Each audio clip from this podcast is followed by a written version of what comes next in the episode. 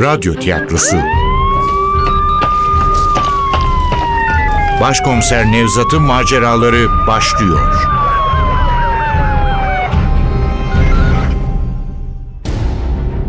İstanbul Hatırası. Eser Ahmet Ümit. Radyoyu uyarlayan Safiye Kılıç. Seslendirenler Başkomiser Nevzat Nuri Gökaşan Ali Umut Tabak. Zeynep Burcu Başaran Şefik Bora Sivri Evgenya Funda Postacı Yekta Hakan Akın Demir Ender Yiğiter Cello Ziya Kürküt Şeffan Bora Seçkin Efektör Ufuk Tangel Ses Teknisini Hamdullah Sürer Yönetmen Aziz Acar. İstanbul Hatırası'nın önceki bölümünde Evgenya, sevdiğim kadın. Karım ve kızımın anılarıyla yaşadığım evime geldi ilk kez. Ona Güzide ile nasıl tanıştığımızı anlattım. Kızımın doğumunu, İstanbul dışındaki görevlerde çektiğimiz çileleri ilgiyle dinledi.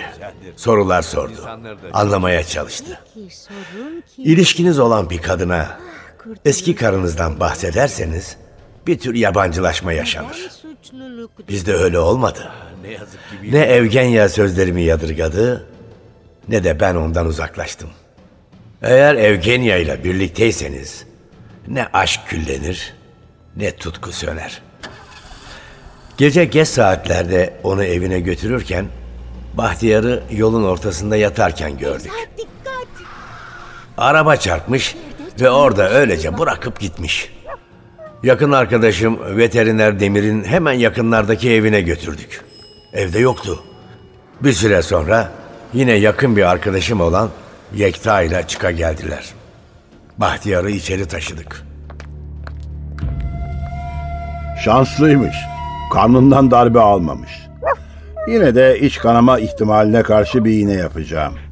Ama söylediğim gibi sadece sol ayakta açık bir kırık var.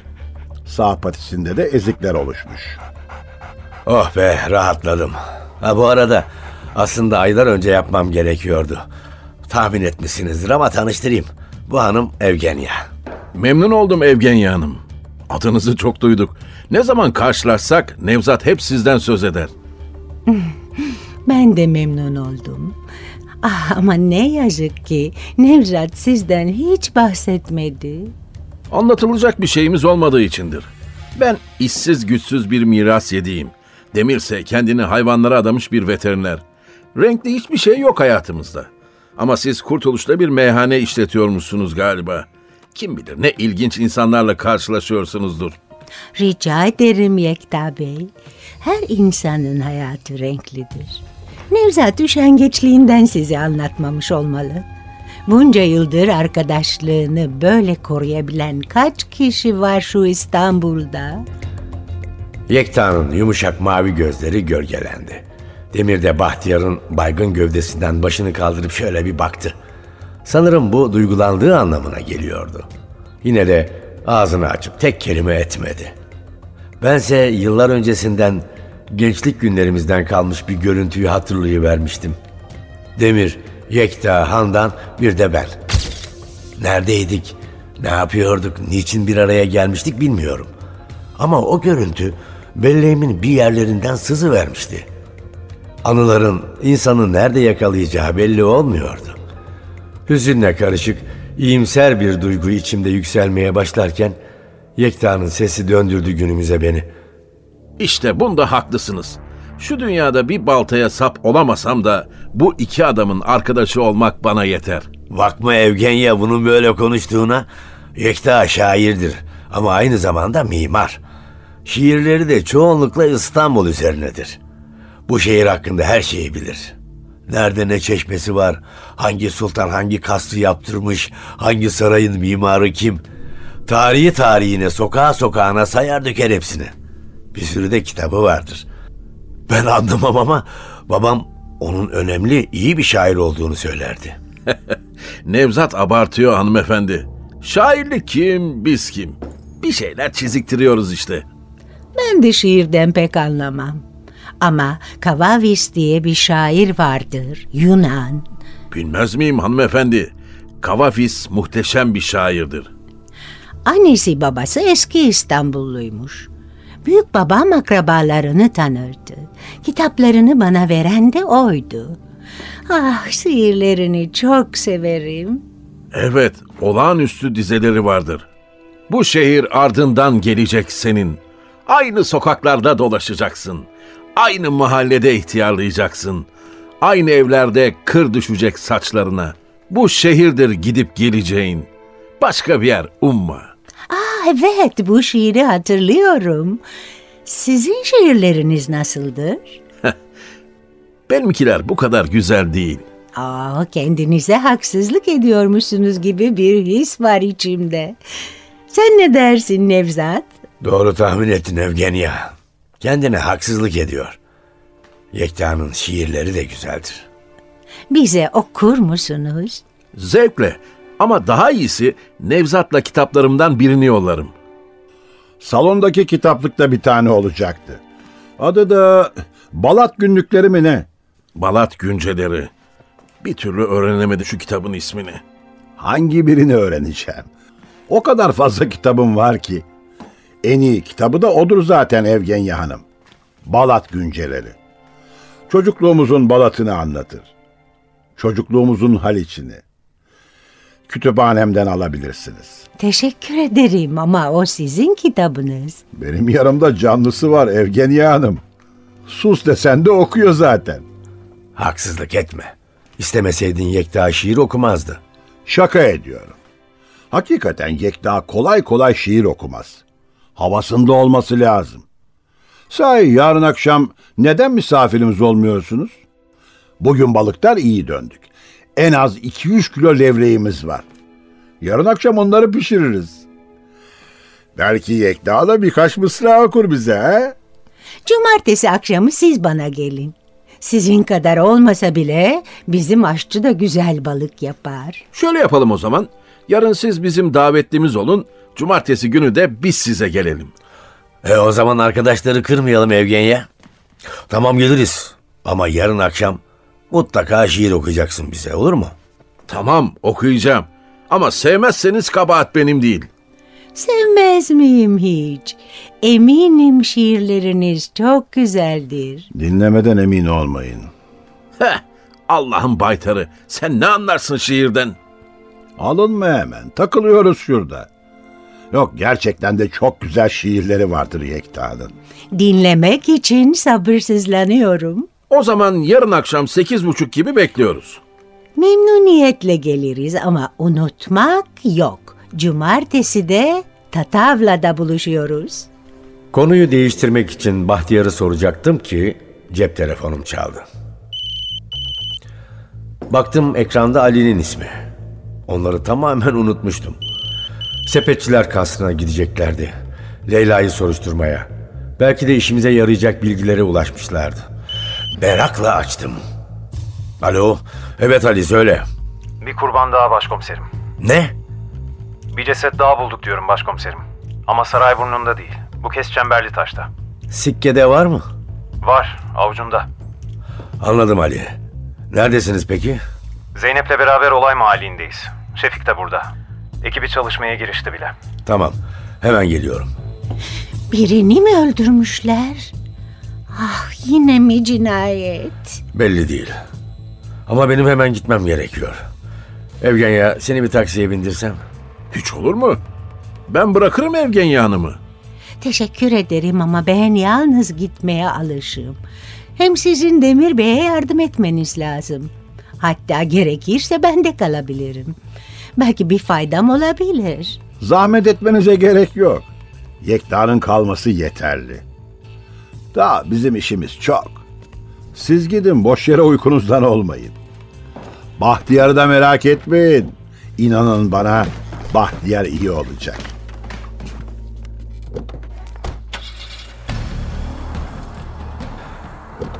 Çemberli taş sütununun doğu yönünde yatıyordu ceset. Sokak lambaları yanmadığı için olay yeri incelemenin minibüsüyle Ali'nin kullandığı aracın farları aydınlatıyordu küçük meydanı.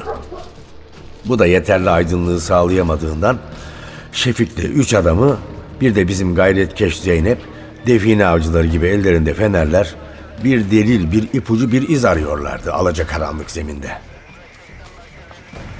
Zeynep'in el fenerinden yayılan solgun ışığın altında incelemeye çalıştım maktulü. Orta yaşın üzerindeydi adam. Kafası iyice açılmıştı. Şakağının yanındaki seyrek saçları seçilebiliyordu sadece. Yayvan burnunun sona erdiği yerle üst dudağının arasındaki geniş bölgeyi badem bir bıyık süslüyordu. Lacivert takım elbisesinin içine giydiği açık mavi gömleği siyah rugan ayakkabılarla buluşunca şık bir kıyafet ortaya çıkıyordu. İlk kurban gibi onun da gırtlağında derin bir kesik göze çarpıyordu. Ve tıpkı onun gibi sadece ceketinin yakasında ve gömleğinin üstünde kan vardı. Karanlık göz çukurlarındaki açık renk gözleri sanki çok tuhaf bir şey görmüş gibi sütunun tepesinden bize bakan solgun yarımaya takılmıştı. Maktulün avucunda bulduğumuz sikke Konstantin için basılmış. Konstantinopolis'i kuran imparator için. Paranın ön yüzünde de imparatorun büstü var. Konstantin milattan sonra 330 yılında şehri Roma'nın başkenti yapmanın onuruna diktirmiş bu sütunu. Hikayesi de ilginç. Sütunu ta Roma'dan getirtmiş, Apollon tapınağından. Orijinal boyu 57 metreymiş. Parçalara ayırarak gemilerle taşımışlar buraya. Sütunu diktirdikten sonra üzerine de Apollon görünümünde kendi heykelini koydurmuş. E, nereden biliyorsun bunları? Anıtın kuzey tarafında bilgilendirici bir yazı var başkomiserim. Her şey yazıyor. Evet, işte bu kadar basit. Size gerçekleşmesi zor, neredeyse imkansız gibi görünen bir olayın bağlantılar ortaya çıktığında ne kadar da basit bir açıklaması olduğunu anlarsınız.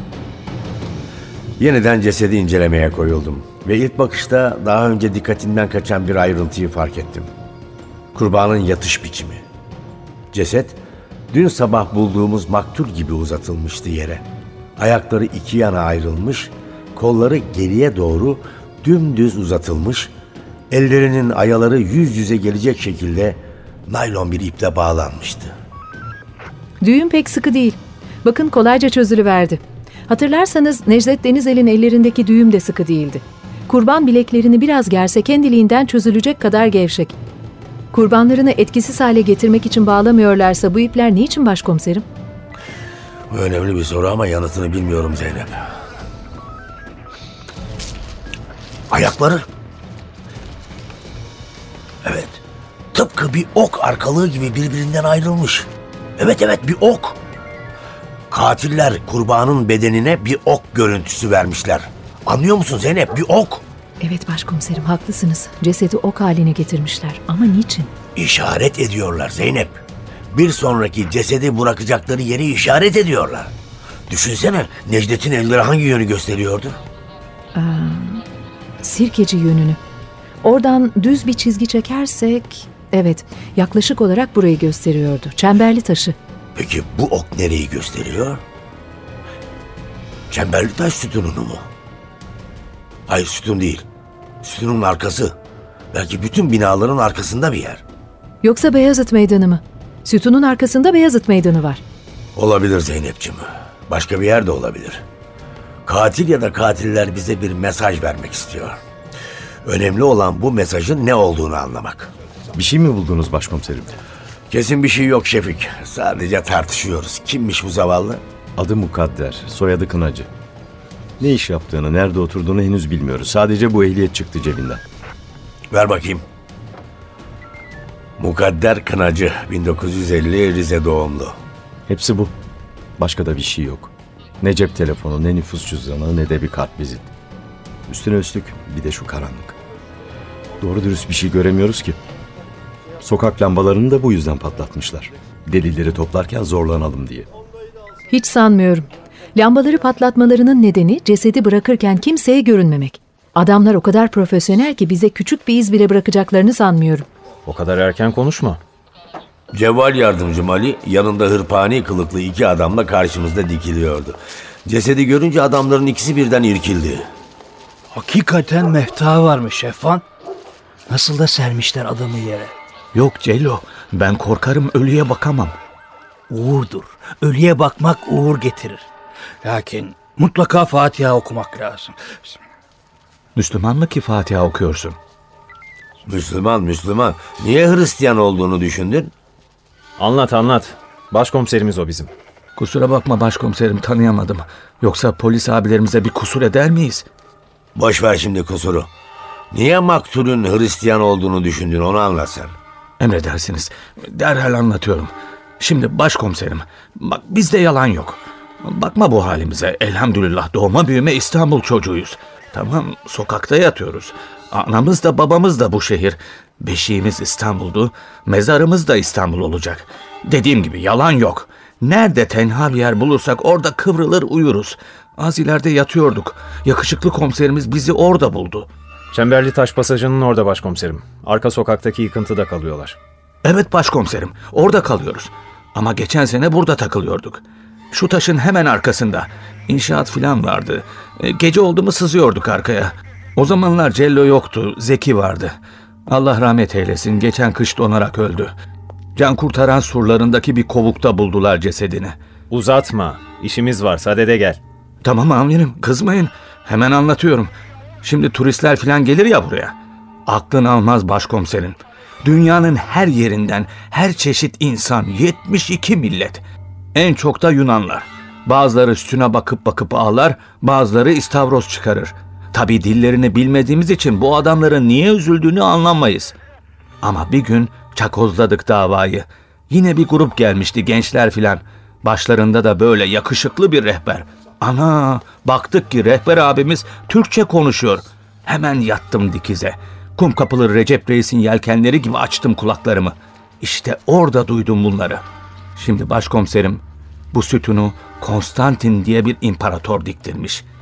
Lakin diktirirken bu imparatorun anası ta Kudüs'ten Hazreti İsa'nın gerildiği çarmıhın parçalarını getirmiş.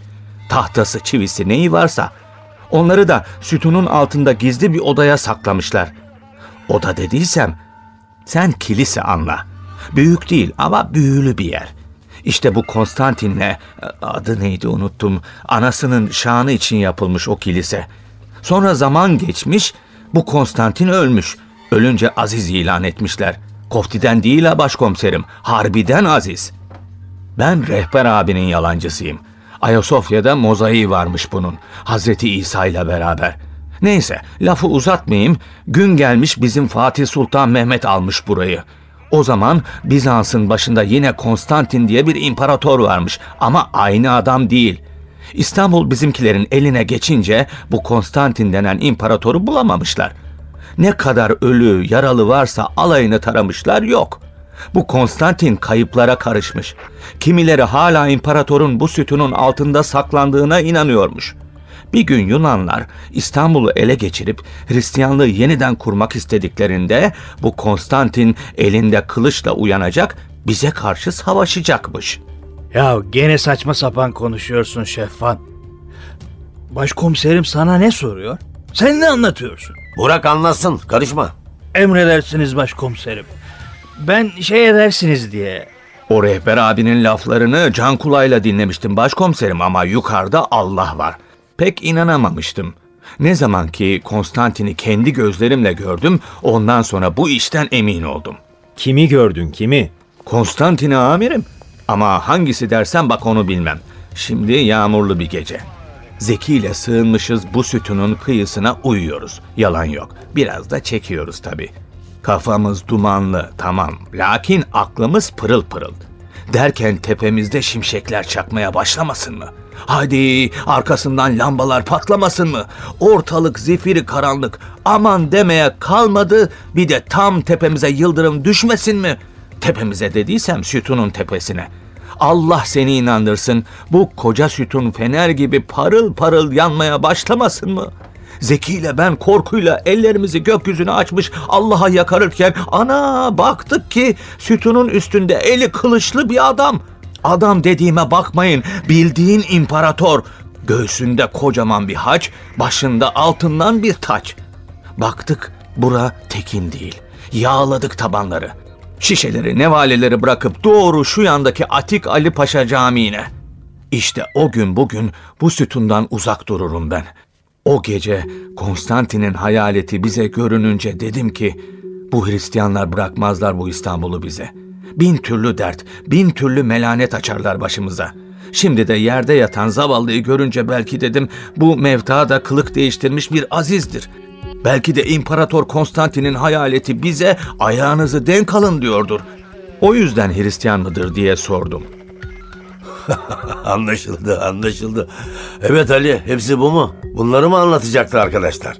Yok başkomiserim. Galiba şüpheli bir şahıs görmüşler. Anlatsanıza. Vallahi ben çuvalın içinden sarkan bir el gördüm. Hangi çuvalın? Çöp toplayıcısının çuvalı ablacığım. Hatta şeffana da gösterdim. Baksana adam sarhoş arkadaşını arabada taşıyor dedim. Ne bilelim adamın ceset taşıdığını. Evet ben de gördüm. Tam önümüzden geçti. O bizi görmedi ama biz taşıdığı çuvalı... E, Çuval diyoruz da belki örtüydü. Karanlıkta iyi seçilmiyordu. Ya arabayı taşıyan adam? Onu gördünüz mü? Gördük tabii. Adam arabayı itiyordu. Yani nasıl biriydi? Vallahi yüzünü tam göremedim. Karanlıkta kalıyordu ama orta boylu bir adamdı. Sağlam yapılı biri. Atma lan. Sallıyor başkomiserim. Adamı ilk ben gördüm. Ona da ben gösterdim zaten. Adam zargana gibi ince uzundu. Yüzü görünmüyordu. Çünkü başında kasket vardı. Kasket değil, fötür şapka takmıştı. Uzun da değildi. Pardösü giydiği için öyle görünüyordu. Peki daha sonra gördünüz mü bu adamı? Gördük tabii. Doğru söyle. Oyun oynamıyoruz burada. Ortalıkta bir ceset var. Gerçekten gördünüz mü görmediniz mi? Gö- gördük başkomiserim. Değil mi Cello? Söylesene oğlum. Geri dönerken görmedik mi adamı? Gördük başkomiserim. Arabayla geri döndü. Önümüzden geçti gitti. Yüzünü görebildiniz mi? Yok. Korkacak bir şey yok arkadaşlar.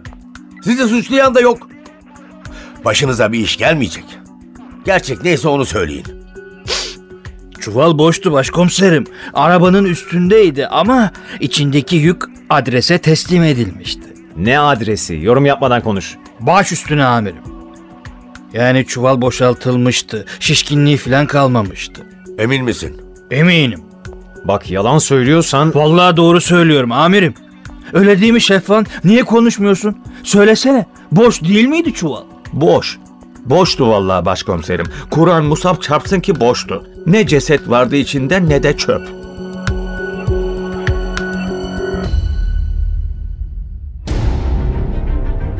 İstanbul Hatırası. Eser Ahmet Ümit. Radyoyu uyarlayan Safiye Kılıç. Seslendirenler Başkomiser Nevzat Nuri Gökaşan Ali Umut Tabak Zeynep Burcu Başaran Şefik Bora Sivri Evgenya Funda Postacı Yekta Hakan Akın. Demir Ender Yiğiter. Cello Ziya Kürküt. Şeffan Bora Seçkin. Efektör Ufuk Tangel. Ses Teknisini Hamdullah Süren Yönetmen Aziz Acar